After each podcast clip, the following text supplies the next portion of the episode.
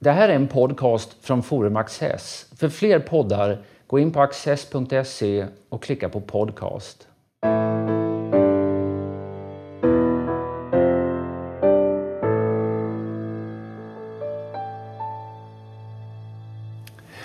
Välkomna till Studio Access. Idag ska vi prata om ekonomin och dess förmåga till förnyelse och ökad produktivitet och därmed ökat välstånd. Eh, och det ska vi göra tillsammans med Fredrik Eriksson, chef för Brysseltankesmedjan E-Sype, Björn Weigel, investerare och entreprenör. Varmt välkomna. Tack så mycket. Och det är, skälet till att ni är här just idag, det är en ny bok. The Innovation Illusion som handlar just om förnyelsekraften i ekonomin, eller kanske snarare om frånvaron av förnyelsekraft. Lite grann känns det där eh, som att det går mot intuitionen. Jag tycker man läser varenda dag om hur hemskt fort allting utvecklas och att maskinerna snart ska ta över och det blir förarlösa bilar och gud vet vad. Så att säga. Ehm, är ni inte pessimister i onödan, Björn? Ja, det, är där, det är där vi har illusionen. Vi, vi, vi, tycker oss se väldigt mycket saker som händer och, och debatten är verkligen på den bogen att, att förändringskraften är hög och dynamiken är hög. Um, men vi ser inte det i, i den ekonomiska data vi tittar på. Det finns inte den sprutten i ekonomin som, som man, man tror sig se. Och vi har ju då tittat under en väldigt lång tidsperiod, fram, tillbaka till 1950-talet, och kan konstatera att vi har under en lång tid varit i en stagnation är ett starkt ord, men åtminstone i en så avtagande eh, ekonomi när det gäller just det här vi talar om. För man kan väl säga det, det görs massor med uppfinningar, åtminstone i den här bemärkelsen att det kommer massor med nya produkter. Men ni gör en distinktion mellan nya produkter och innovationer. Absolut. I grund och botten kan man säga så här, en uppfinning eller en teknologi, det är en input till ekonomin. En innovation, det är outputen i ekonomin. Så man kan säga att uppfinningen erbjuder man, men det blir inte förrän den tas tillvara på ett eh, spännande, vitalt sätt ja, som det händer någonting. Ja. Absolut, och det är ju förmågan hos nya uppfinningar eller andra typer av förändringar som sker. Förmågan hos dem att verkligen kunna skapa en förändring i såväl människors liv som ekonomin hänger på vilken mån som vi har företag, marknader som har kapacitet att ta de här uppfinningarna och göra någonting mer om. Och framförallt göra någonting mer om på ett sådant sätt som förändrar människors beteenden. I grund och botten så handlar ju produktivitet om någonting väldigt enkelt och det handlar liksom om att få människor att bete sig på ett ekonomiskt smartare sätt. Och mm innovationer genom världshistorien har ju, har ju, och uppfinningar genom världshistorien har ju haft den effekten att ångmaskinen eller eh, vad vi nu talar om så att säga, har genererat bättre förmåga hos människor att använda sin tid på ett ekonomiskt smartare sätt. Men det är där vi inte är idag och det är där vi inte ser varken att produktiviteten ökar så mycket i vår ekonomi och vi ser heller inte att många av de nya uppfinningarna som görs har den karaktären att de kan öka produktiviteten i ekonomin så mycket. Så det här ändrade beteendet, att människor numera går omkring så här ute på stan hela tiden, det har inte ökat deras produktivitet? Nej, jag menar, och det, man kan uttrycka så här, det var som en amerikansk ekonom gjorde, att mycket av det som har hänt, som jag använder och tycker är ganska kul att använda, det är more fun than fundamental i så mått att det är mycket spel, det handlar väldigt mycket om hur vi organiserar våra privatliv på ett sådant sätt så att det blir roligare, enklare eller smidigare för Eh, för dig som människa eller dig som familj. Men det är inte så att det genererar särskilt mycket mer ekonomisk aktivitet och bättre ekonomisk aktivitet. Men, men då, kan, då, är väl ett motargument som ni säkert har stött på att, att eh, okej, okay, det stämmer, eh, mycket av det här är gratis så att säga, och det underlättar i och för sig vardagen men det sker ingen transaktion eller betalning. Det betyder ju inte att det inte har något värde.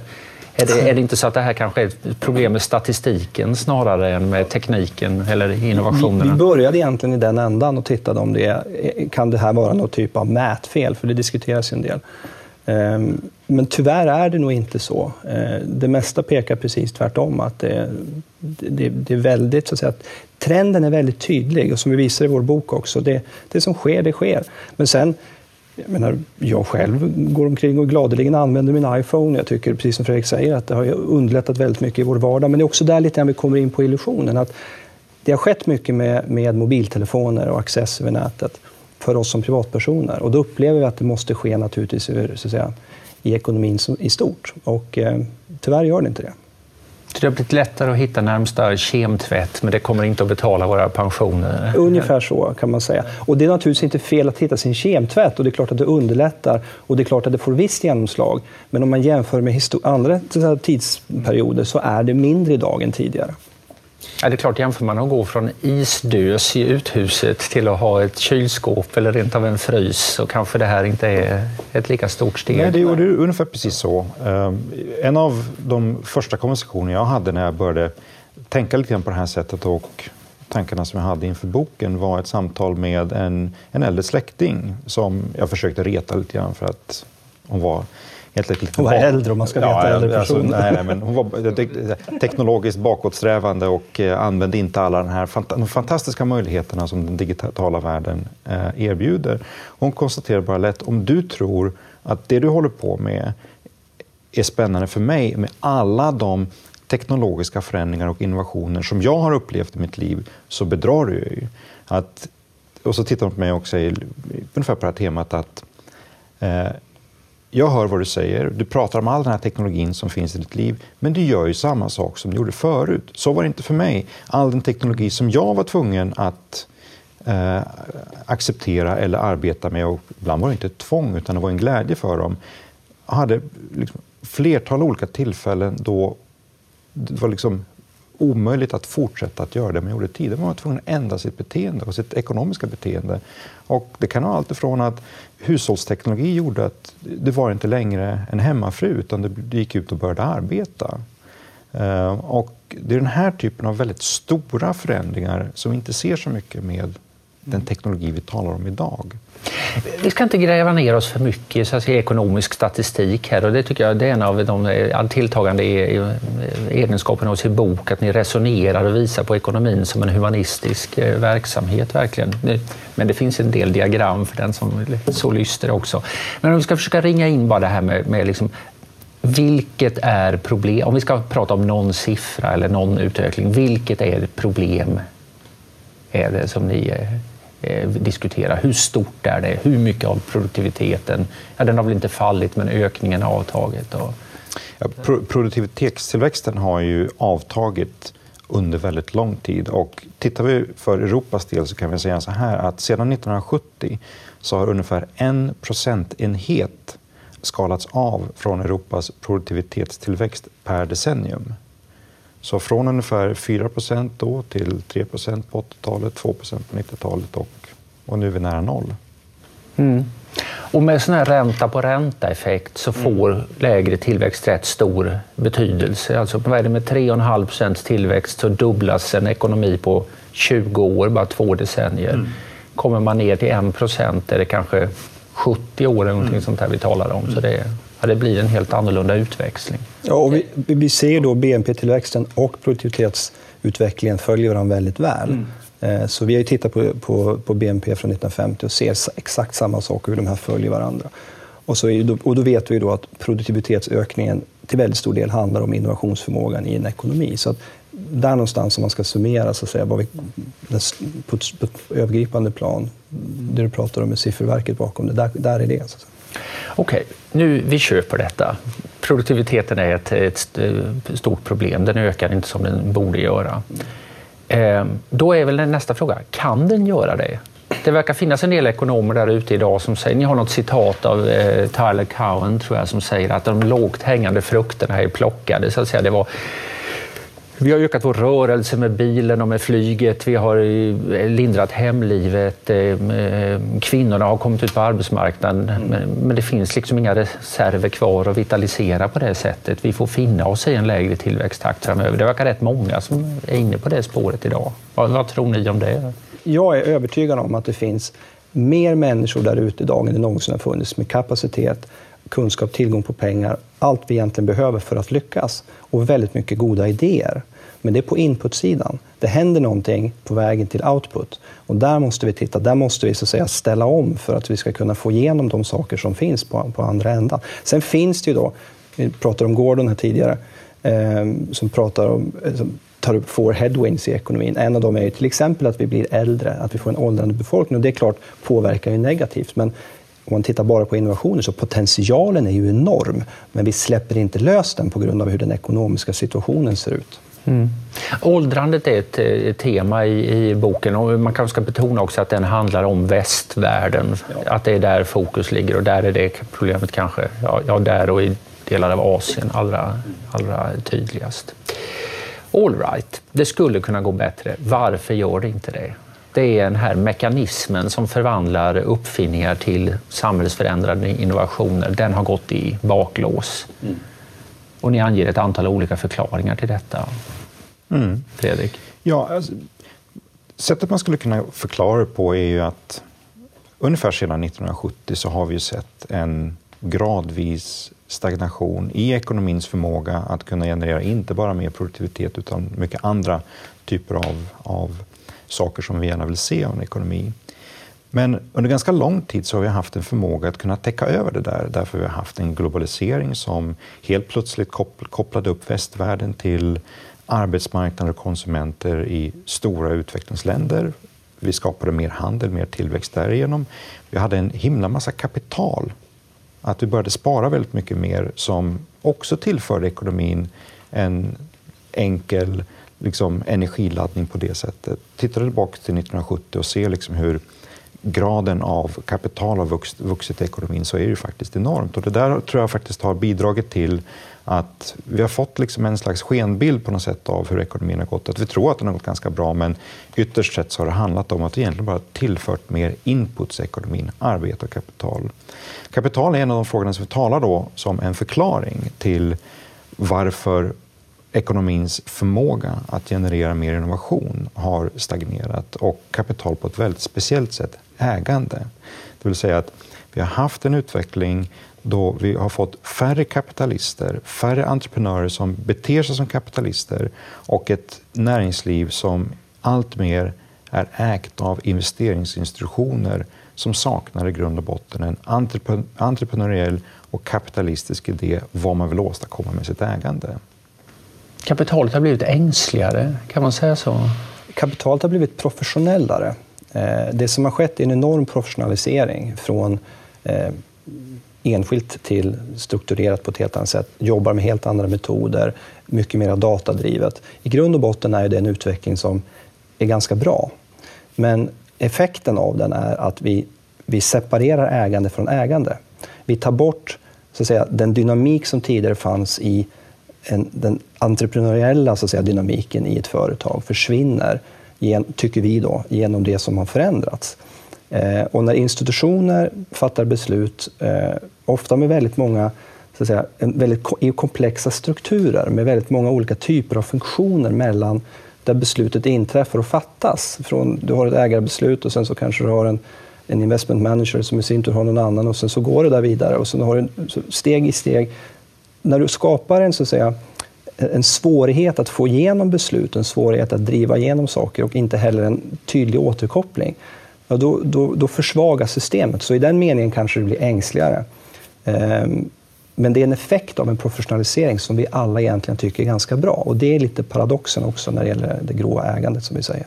Men varför tycker vi den är bra om resultatet är att det blir sämre? Du som pensionsinvesterare vill ju till exempel gärna se att, att dina besparingar hanteras på bästa sätt. Och du kanske inte är så intresserad av, och därför kommer in mycket på pension också, du kanske inte är så intresserad av att, att dina pengar eh, ligger och möter hög risk, utan du vill gärna få din avkastning och du vill kunna få din förväntan och du vill inte se din Ericsson-aktie sjunka med 20-30 procent en eftermiddag. Och med en ökad professionalisering så minskar då risken. Problemet är att vad den professionaliseringen på ägarsidan har drivit fram och hela systemet är att man har gått längre och längre bort ifrån att egentligen testa gränserna, att gå in på kanske lite mer osäkra, i osäkra miljöer. Och det är ofta där de stora innovationerna går att hitta. Men satsar man inget nytt så får man heller ingenting nytt. Men du, du behandlar det vi har på ett bra sätt, men du, får liksom, du minskar perspektiven kan man säga i ekonomin på det sättet.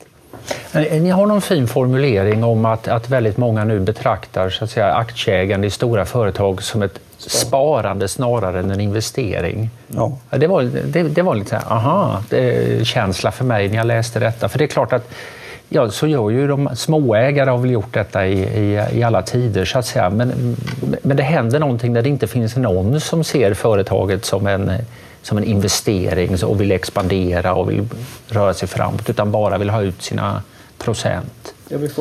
Ja, jag menar, och det är ju på ett sätt en ganska bra beskrivning som mått att eh, det är högst rationellt att jag som pensionssparare går till en fond och vill ha deras hjälp att få bättre avkastning istället för att liksom satsa alla mina pengar på en aktie och hoppas det går bra. Men genom alla de här, då, liksom, om alla de här sakerna med äganden försvinner så i slutändan så kommer vi till en position då som vi har haft nu under ganska lång tid där det här kapitalet växer så oerhört snabbt. Sparandet i världen växer så oerhört snabbt att till slut så finns ju liksom inte de där grundägarna kvar. Vi har inte en entreprenöriell kontrollerande ägare som faktiskt har en bra idé hur man tar ett bolag och gör det ännu mer framgångsrikt än vad det är idag.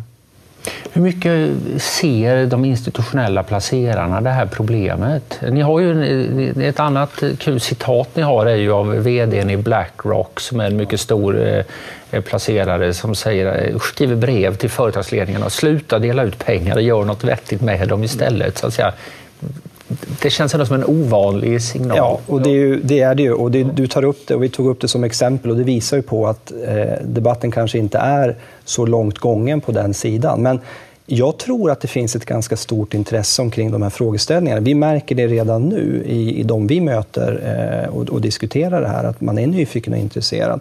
ska vi komma ihåg att man från ett investerarperspektiv idag kämpar med ganska låg avkastning. Eh, och man är just nu öppen för att se okay, hur skulle vi kunna ändra för att, för att hitta våra yields. Eh, och speciellt om du är en pensionsstiftelse eller en pensionsfond idag eh, och är beroende av ganska hög avkastning för att kunna möta morgondagens så säga, utbetalningskrav. Och dessutom ålagd att köpa en massa statsobligationer som inte ger någon ränta Nej. överhuvudtaget. Ja, och, och de, de, vill ju så att säga komma ut ur det här.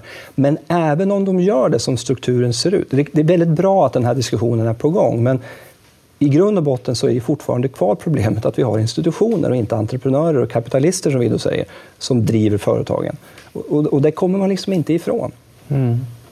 Ni, ja, ni tar upp flera exempel här på det här problemet med institutionaliseringen av ägandet. Och eh, lite paradoxalt blir det ju det här att pensionssparande blir då väldigt det som låter väldigt långsiktigt, det blir väldigt kortsiktigt i sitt agerande för man vill inte binda upp sig för någonting där risken kan vara högre över tid och sådär. Och bland annat så minskar ju då den, den, privata eh, sektorns, bolagens satsningar på forskning och utveckling. Mm. Eh, och ibland får man ju känslan när man tittar på och följer aktiemarknaden att inget gör marknaden lika glad som när ett företag säger att de ska sluta med forskning och utveckling. Och sånt här, utan man sparkar forskare, det är bara en massa kostnader och så kan man få bättre utdelning på kort sikt. Eh, det känns ju ganska deprimerande.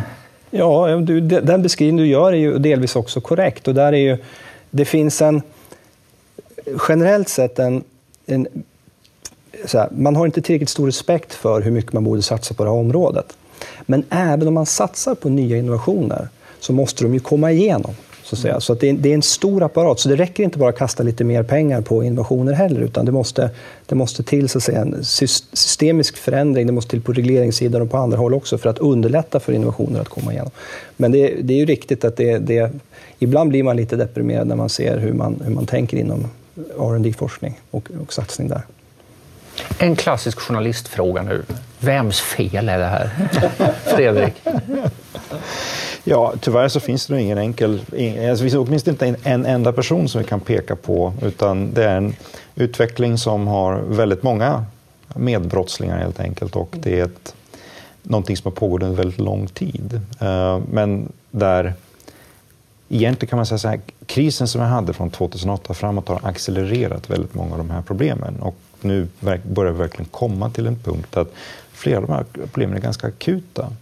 Och då inte bara frågeställningar som har med produktivitet att göra. Det faktum att i USA och Europa har vi oerhört låg produktivitetstillväxt i ekonomin idag.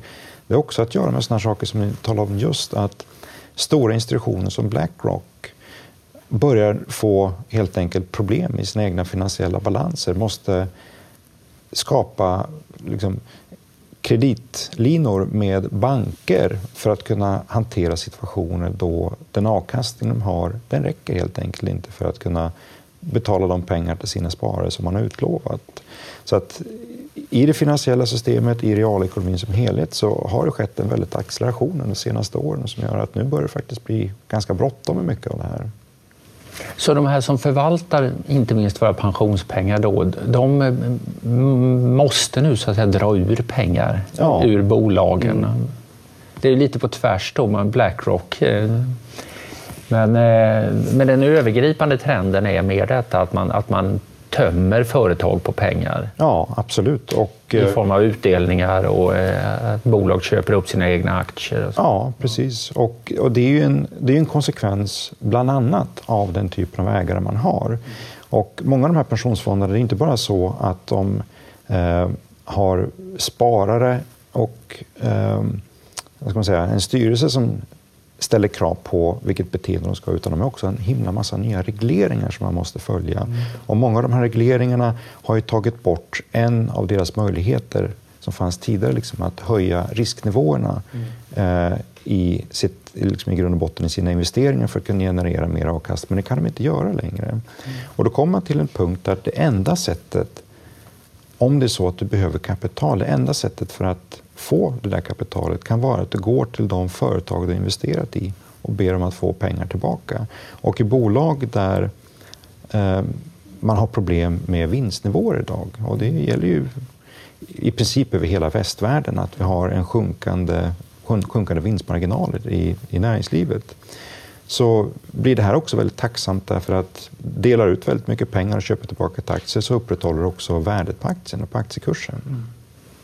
Om man tänker på orsaker återigen här, vad, hur stor roll spelar det att, att jag menar, vi vill spara till våra pensioner, men det finns också ett väldigt starkt imperativ ifrån beslutsfattare av olika slag att man ska låsa in pengar. Eh, väldigt många svenskar till exempel har ju ett hyggligt pensionssparande idag de är missnöjda med det offentliga pensionssystemet men via kollektivavtalen finns det rätt mycket pengar fonderade.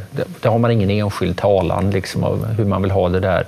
Och även i ens privata pensionssparande eller sparande så finns det har det funnits ett tryck på att man ska stoppa in det i fonder där man inte kommer åt pengarna förrän man har blivit nått någon viss eh, ålder. Mm. Så liksom, regelsystemet, har det varit inriktat, inte bara i Sverige utan på andra håll, för att institutionalisera ägandet. Ja, absolut, och regelsystemet har allt mer gått i den riktningen. Ibland har det skett en del förändringar som till exempel i Sverige så har man försökt öppna upp för möjligheter då att flytta sitt pensionssparande mellan, mellan olika typer av institutioner om man inte är nöjd med det hela. Jag vet att det också förs en diskussion kring AMF och huruvida de pensionsrätter som du då kan arbeta in som, som arbetstagare och liksom det faktum att det finns ett kollektivavtal mellan en arbetsgivare och en fackförening här. Eh, att du får välja lite mer hur det där ska förvaltas. Och, mm. Men det handlar ju fortfarande om vilken institutionell ja, förvaltare precis. som ska använda dina pengar. Det är inte så att de säger här får, du kan ta ut, du har faktiskt 2,5 miljoner i pensionskapital. Ja.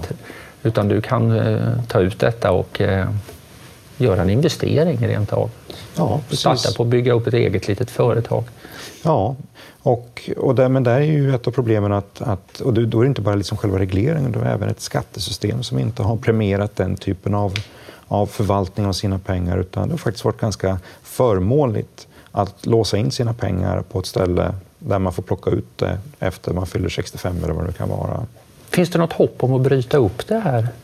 Eller är det bara liksom att drömma sig tillbaka? Ja, det är kört. Alltså. Nej, det, det, det, det, går att bryta upp det och det går att göra förändringar. Eh, och, eh, men det handlar nog om att försöka göra ganska... Eh, här, se över situationen ganska noga. Vi har i boken strävat mot att berätta vad som har hänt fram tills nu eh, och försökt undvika att, att eh, vilt spekulera om vad man ska göra. Eh, men bara det faktum att vi får upp diskussionen kanske leder någonstans eh, i detta. Men det är klart att du är inne på några saker här som hur kan man så att säga närma närma säga, själva bolaget till den som investerar på något sätt. Hur, hur, hur kortar du ner den? Hur förenklar du strukturerna? Mm. Hur gör du dem lite mindre mekaniska? Om man säger så. För ni har några idéer. Och bland annat det här eh, förtalade systemet med A, B, och C och D och så vidare, aktier. Där liksom man, som ju har den effekten att en företagare, en entreprenör, kan sälja andelar i bolaget men ändå behålla beslutanderätten över det. Och då kan det ju föda in en annan mentalitet. Så att säga. Det är värt att slå vakt om ett sådant system. Det är värt att titta närmare på. Det, det, det där är ju en svår diskussion. Det, det finns många argument för, för, för, och emot det. Men det vi tycker är intressant är att föra in det entreprenöriella igen. Så att det är den stora utmaningen för ekonomin. Och då tycker vi att det överväger ganska mycket i hänsyn som annars finns, att inte separera upp det. Men det är klart att stärka entreprenörens förmåga att driva företag, om, om det gör det på det sättet, då, då, är det, då är det bra. Och många av de framgångsrika företag som vi ser runt om i världen idag, unga snabbväxande bolag, är ju, har ju en sån typ, sån typ av ägande. Att entreprenören fortsätter att hålla kontroll över bolaget medan de plockar in kapital från andra investerare. Har du något exempel? Facebook. Facebook gör så. Ja. Så Mark Zuckerberg är fortfarande i ja. förarsätet där fast ja. många har kommit in med, med externa pengar. Finns det hos de institutionella ägarna, vi var inne på detta lite tidigare, men kan ta ett varv till. Kan man skapa syntetiska metoder? Alltså att man, om det nu känns hopplöst att få ett spritt personligt ägande, som det kanske såg ut någon gång förr i tiden eventuellt, Går det att hitta styrsystem för företag som liksom får dem att fungera som om det fanns kapitalister? Det som är jobbigt med, med Eh, det vi konstaterar det är att vi måste föra in den entreprenöriella dimensionen. Den är inte, du kan inte mekaniskt så att säga, eh, arbeta med den. Du, du, du möjliggör på en, en på en individuell nivå att fatta beslut och driva saker enligt, enligt bästa förmåga. Eh, och jag tror att man ska snarare tänka i termer av att hur, hur möjliggör du för entreprenörer att ha utrymme? Och eh, Eh, det systemiska i detta är ju då att låta dem ha utrymme snarare än att det finns väldigt, väldigt, väldigt mycket otroligt genomarbetade strukturer och manualer och system för hur man driver företag idag. Eh, och det, det, eh, tittar man på lite håll så ser det ut som ett fantastiskt bra system där du har ägarstyrning som går ner till in i styrelse som går hela vägen ner i bolag och det, följer en, det ser ut att följa en röd tråd, alla vet vad de ska göra. Det är ordning och reda hela vägen. Men det är där du har problemet. Det har blivit mekaniskt. Företagandet har blivit någonting annat än det egentligen. I, i en fri ekonomi så, så är det, det fungerar inte. Och då, då blir det snarare så att ekonomin blir mer krampaktig och, och går mot det stagnerade hållet. Professionalisering och entreprenörskap skaver lite mot varandra och trivs inte alltid helt och hållet eh, tillsammans. Det, eh, det, det, tycker jag är en mycket viktig insikt och en som jag tror att eh, många i detta välorganiserade samhälle har väldigt svårt att ta till sig. Men vi hoppas att ni kan ge dem lite god hjälp på den vägen. Tack så hemskt mycket Fredrik. Tack så hemskt mycket Björn. Tackar.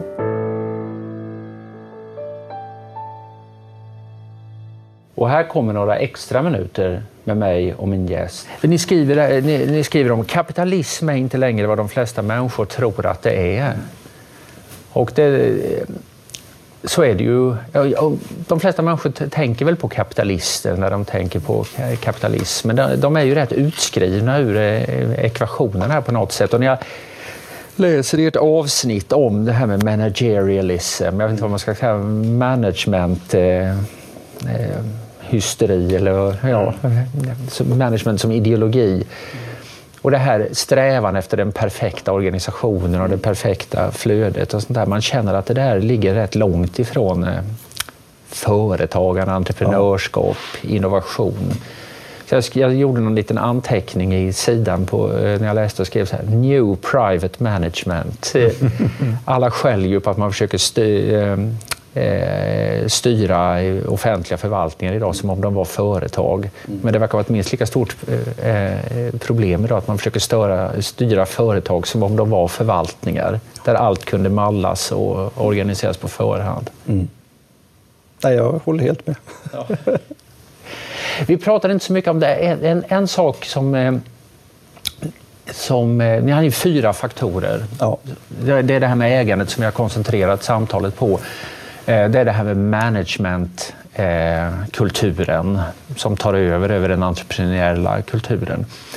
Och så tar ni upp regleringssidan, eh, att den där, det finns ett väldigt, politikens nya sociologi, att liksom det finns ett, ett snabbt opinionstryck på politiker att reglera eh, som, som, gör att man inte lämnar verksamheter i fred och man är orolig och föreskrivande, så här måste ni göra.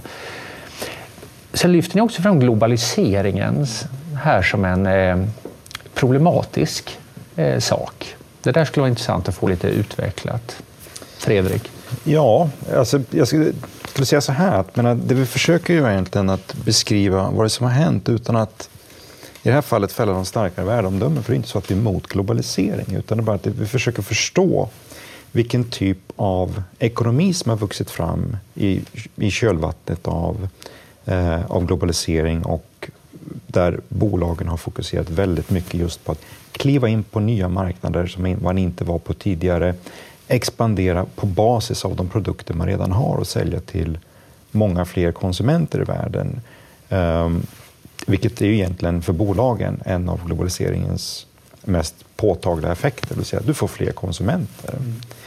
Och delar man upp globaliseringen i två faser så kan man säga att den första fasen hade en, en effekt där konkurrensen blev väldigt stor på grund av globaliseringen. Därför att vad som hände var att många av de multinationella bolagen klev in på nya marknader där det traditionellt hade funnits någon, kanske en eller flera nationella producenter som inte alls var lika effektiva som de större bolagen var.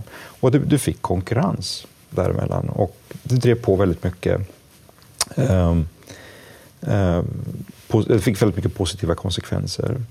Men så började globaliseringen att ändra skepnad lite grann då från sent 80-tal och framåt. Då det egentligen inte handlade så väldigt mycket mer om att försöka kliva in på nya marknader och att man hade, fick hjälp med detta på grund av att handelshinder sjönk och regeringar avreglerade sina marknader hemma, tog bort monopol och öppnade upp liksom konkurrens i, ibland i offentlig sektor och så vidare. I den andra fasen så handlar det väldigt mycket mer om att globaliseringen flyttade egentligen in i företagen. Att bolagen började att så då, ska man säga, outsourca väldigt mycket av, av sin produktion. Och man byggde fantastiskt sofistikerade kedjor av tillverkning och värdeskapande runt om i världen med tusentals olika företag som, företag som deltog i det där. Och det skapade också vad man som ekonom skulle kalla för effektivitetsvinster. Vi blev, vi blev mer effektiva. Eh, men det hade också som effekt att bolagen då tog sina resurser och så började de liksom koncentrera dem åt andra hållet istället för de behövde inte exponera sig liksom i sin produktion särskilt mycket utan det kunde man outsourca till andra. De fick ta risken med, med produktionen. Och då får man liksom konsolidering och maktkoncentration. Precis. Det är då du får konsolideringen, det är då du får att, att då inträdesbarriärer till marknaden går upp väldigt mycket. Inte på grund av att stater ökar dem utan därför att bolagen ser till att det blir mycket svårare att gå in och konkurrera. Eh, och man har varit fantastiskt effektiv på det sättet. Och, och, det tycker jag personligen är en av de sakerna som har förändrats väldigt mycket under mitt liv.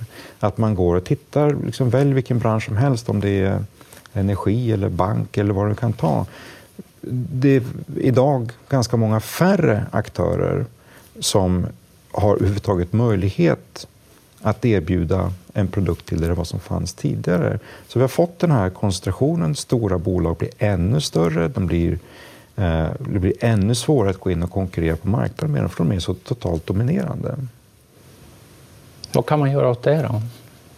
Björn? Ja, att det, alltså, det, det, det, det ska expandera problemet ytterligare när vi kommer in på det. Problemet för ett mindre företag i den här miljön, som kanske har en väldigt god och kom, alltså konkurrenskraftig teknik, det är ju det att helt andra faktorer än det faktum att du har den här tekniken eh, det vill säga hur värdekedjan ser ut kring de här stora företagen, stoppar ju dig från att slå igenom. Så du är beroende av att gå egentligen vägen via de stora. Och därför vi ser väldigt mycket uppköp av små företag från stora hela tiden. För de stora dikterar villkoren. De bestämmer hur marknaden ska förändras istället för att de är så att säga, en kraft, eller istället för att de är föremål för förändring. Så hur, vad gör man åt det här? Ja, eh, du måste ju... Eh, det finns en regleringsfråga i detta naturligtvis. Alltså, dominanta positioner måste man göra någonting åt från lagstiftarens sida eller från, från, från policysidan.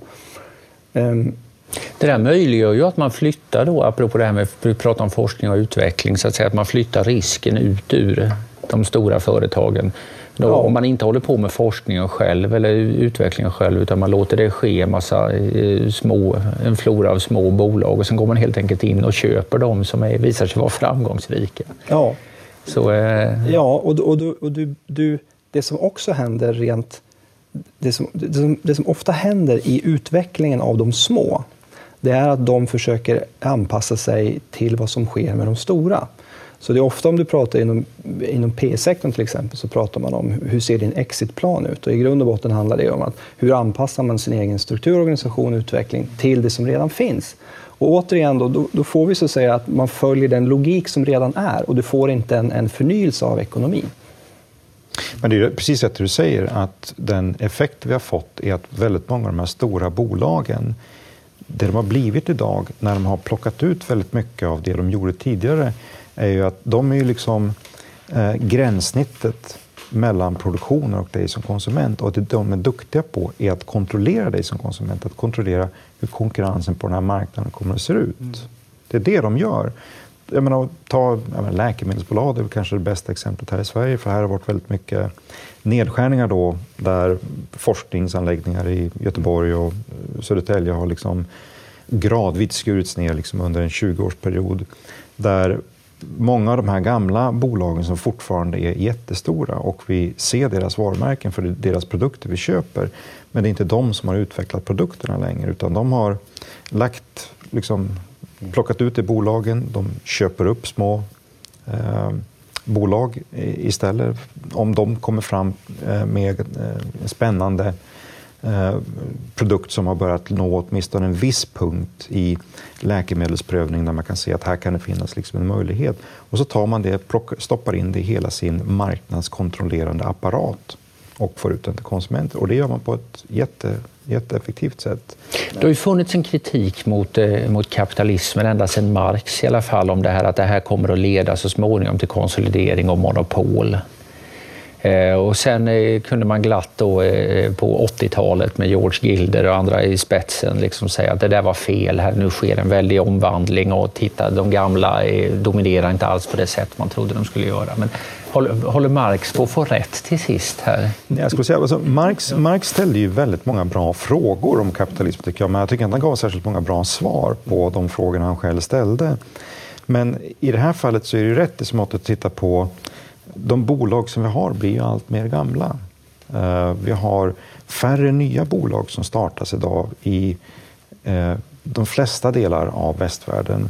Vi pratade just innan vi kom hit om en, en OECD-studie som just kommit ut, eller inte just det som vi har sedan, boken. Mm. som pekar på att det är två länder som faktiskt nyföretagandet har ökat då, de senaste tio åren, tror jag, och Sverige är faktiskt ett av de länderna, Sverige och Israel. Men, men i alla andra länder så är ju liksom går i en helt annorlunda riktning. Vi ser bland yngre generationer att deras vilja att ta risker, deras rädslor för att man kanske kommer att eh, göra någonting fel eller att man kanske kommer att misslyckas med ett entreprenörskap som man försöker sig på blir allt starkare.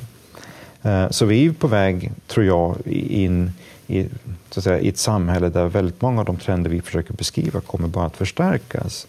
Det betyder inte att det finns en inneboende logik i kapitalismen, att det blir maktkoncentration och, och så, utan jag tror att här är väldigt mycket är en konsekvens av sättet, inte bara som bolagen agerar, utan faktiskt som politiker och reglerare har, hur de har tänkt hur världen ska vara beskaffad. Mm. Att den typen av regleringar vi skapar, konsekvensen av dem är ju att vi får en sån här typ av maktkoncentration.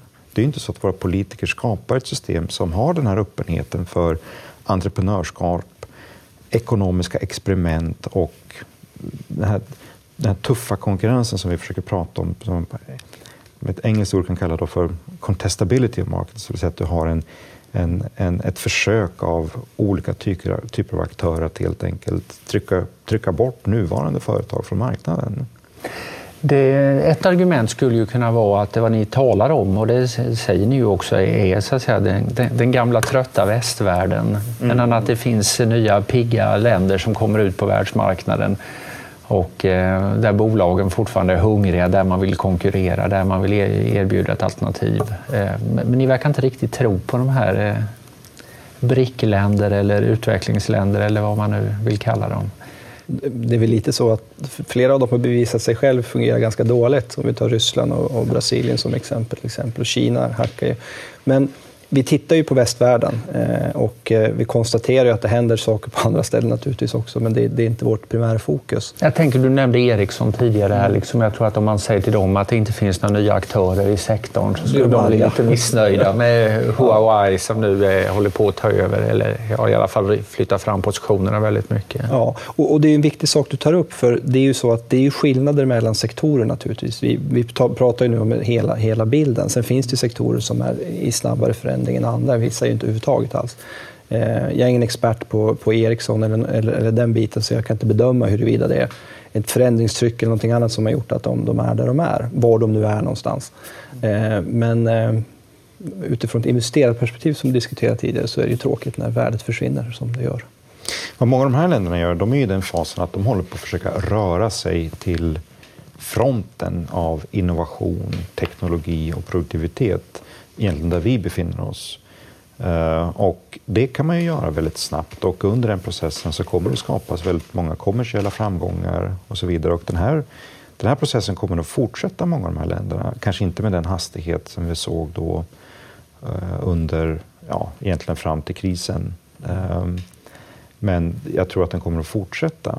Ehm, sen är det så att många av de här, liksom så här länderna står inför alltså inte ett, ett, inte ett liknande problem som det vi står inför, men de står åtminstone inför ett samhälle som kanske ännu mer än vårt domineras just av de här managerialistiska planerna och liksom tänkandet om hur organisationer ska funka, hur samhället ska vara, ska, ska vara beskaffat. Att ytterst sett ska man komma ihåg så att, säga, att i, gör du affärer i Kina så är det ganska stor sannolikhet att du kommer att springa rakt in i eh, det kommunistiska partiet i Kina som fortfarande har enorm kontroll över hur ekonomin funkar. Du kommer ha en massa statsföretag som, du, som finns där som fortfarande arbetar med femårsplaner och har liksom en femårsplansmentalitet i hela sättet som man agerar på.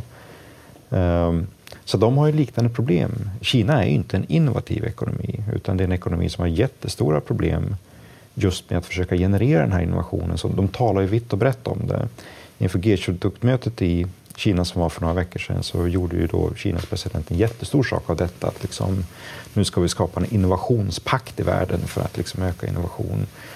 Jag såg var ett ganska kul exempel för var några månader sedan då Kinas premiärminister eh, eh, deltog eh, i tv och höll upp en penna, en bläckpenna och sa varför kan inte en kinesisk producent producera en bra bläckpenna? Och sen så blev det flera debattprogram om det där i kinesisk tv där man liksom försökte utreda vad det var. Och I ett av de här programmen så konstaterar man att jo, men det är så att vi har inte lyckats kopiera den här schweiziska maskinen som är duktig på att göra penn, säga, själva liksom bläcktoppen på den så att säga. Bara vi gör det så då, då kommer vi också bli väldigt innovativa och duktiga att producera pennor. Och den där mentaliteten är ju fortfarande väldigt stark i Kina, att vi har inte bara lyckats kopiera framgångsrikt något, något, något som någon annan har gjort ännu. Mm. Ja, det är många som vill göra gällande att de har rört sig i innovativ riktning. Ja, alltså visst är det så. Jag menar, och, och jag menar, det är ju, precis som i västvärlden så är det så att det är inte det är inte nattsvart.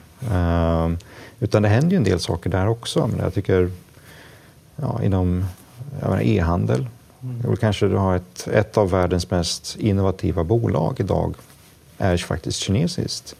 Det har en del, man talar om det här liksom med eh, eh, hur man då mäter och liksom försöker bygga upp liksom större kunskaper om våra gener och så vidare. En del kinesiska bolag där. Men, men det är fortsatt så att Kina har en, en input-mentalitet på mm. innovation. Det vill säga att mm. vi måste ha mer innovation. Aha, då ska vi satsa ännu mer pengar på FoU och vi ska ha ännu mer input. Men man tänker liksom inte hur skapar vi det där ökade utrymmet för entreprenörskap, experimenterande och för just den här då typen av konkurrens som är väldigt tuff. Att man just när det gäller det där så kommer man ju nästan att tänka på Sverige också när, du, när du gör den beskrivningen. Vi, vi ska ta avrunda. Jag ska bara ställa en, en sista fråga eh, som är ungefär så här. Eh, folk kanske är nöjda. Mm.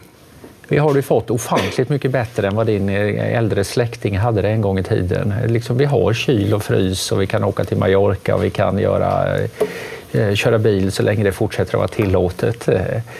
Ehm, folk kanske inte vill ligga på på samma sätt som man gjorde tidigare. Andra högre värden träder in istället. Är det någon faktor? Ja, men jag tror inte att det stämmer. Jag, menar, jag tror att det är... Alltså, en bild av åtminstone västvärlden då är att människor är väldigt arga. Människor är väldigt missnöjda med många saker och ting. Människor har ju förväntningar om att framtiden kommer bli ännu sämre än vad vi har idag. Men vi lever ju faktiskt i en av de första epokerna där en dominerande majoritet av befolkningen tror att yngre generationer kommer att få det inte bara ekonomiskt sämre, men att deras hälsa kommer att bli sämre, att de kommer att leva i en sämre miljö än vad äldre generationer har. Så det, är inte, alltså, det är inte så att vi har ett västerland med, med väldigt högt självförtroende och som tycker så att, vi, nu har vi löst väldigt många av de stora problemen vi hade. Eh, utan tvärtom, så jag får åtminstone känslan att det är liksom en slags underliggande frustration med att saker och ting inte händer, att saker och ting inte blir bättre. Och jag tror att, och det är inte bara när man tittar liksom som en övergripande opinionsbild. Jag tror att går det in i väldigt många företag idag och frågar människor hur trivs du med ditt jobb? Om du får ett uppriktigt ärligt svar så blir du ganska, du blir ganska mörkrädd. Helt enkelt. För det, många människor de, de vantrivs med det de gör. De är på fel platser, vågar inte lämna. Möjligheten att, att få ett annat jobb kanske är små. Du kanske måste gå ner i lön, du kanske förlorar en tjänstebil, du kanske, de här pensionsmöjligheten du hade skaffat dig kanske blir sämre och så vidare. Va? Enorma inlåsningar. Så det finns alla skäl att ta till sig vad ni har skrivit. Ja, det hoppas jag. Tack Fredrik Eriksson. Tack Björn Weigel. Tack.